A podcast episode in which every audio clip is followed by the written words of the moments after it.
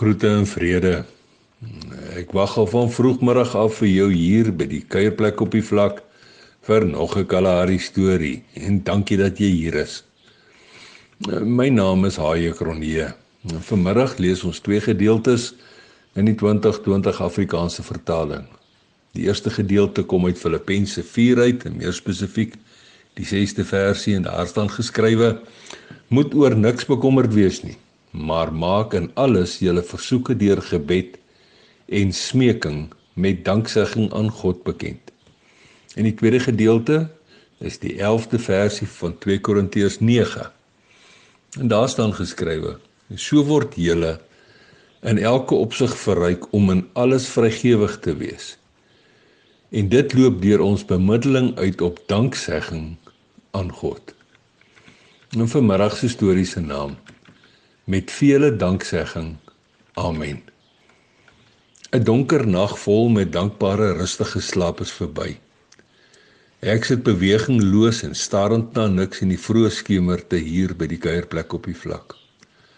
Rondom my lê die valbrein wêreld wyd uitgestrek.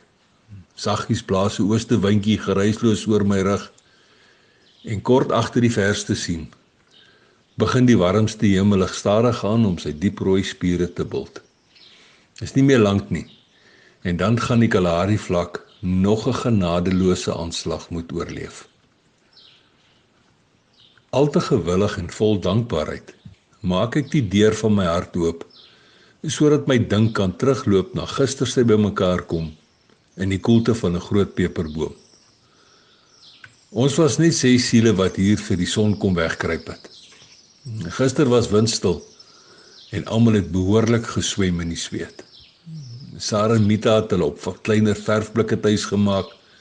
Dis nou sodat die mooiste mooi op die enigste kombuisstoel wat op die werf is kon sit.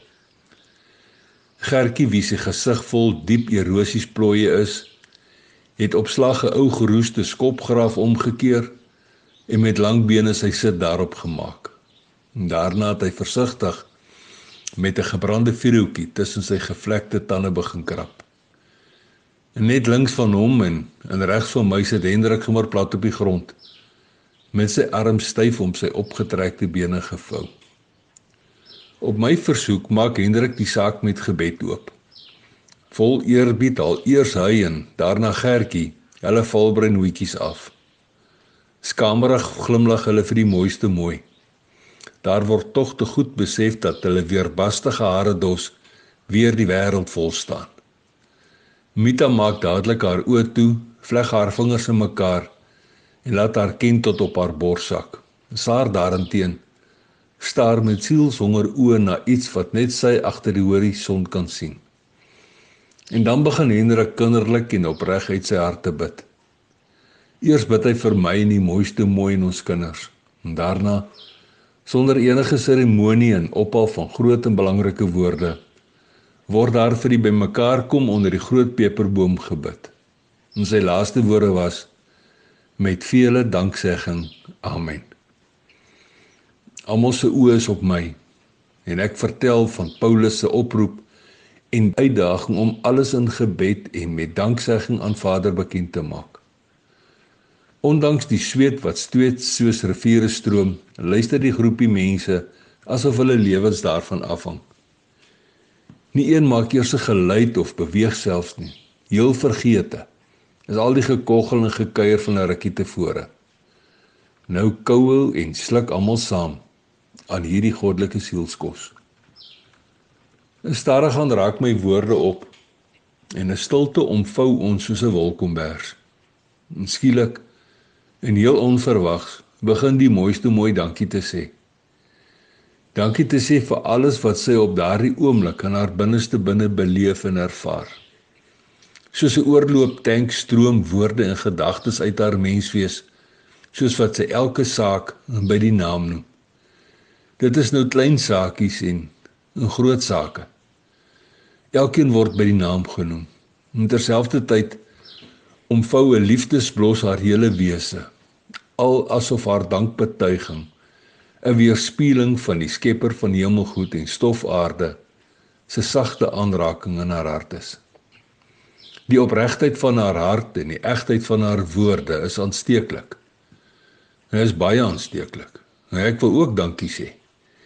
Ek wil diep uit my hart my dank aan hom wat was en is en weer sal wees betuig. Iets wat vir te lank agterweeg gebly het. Geduldig wag ek tot die mooiste mooi leeg gepraat is en maak ook my hart leeg.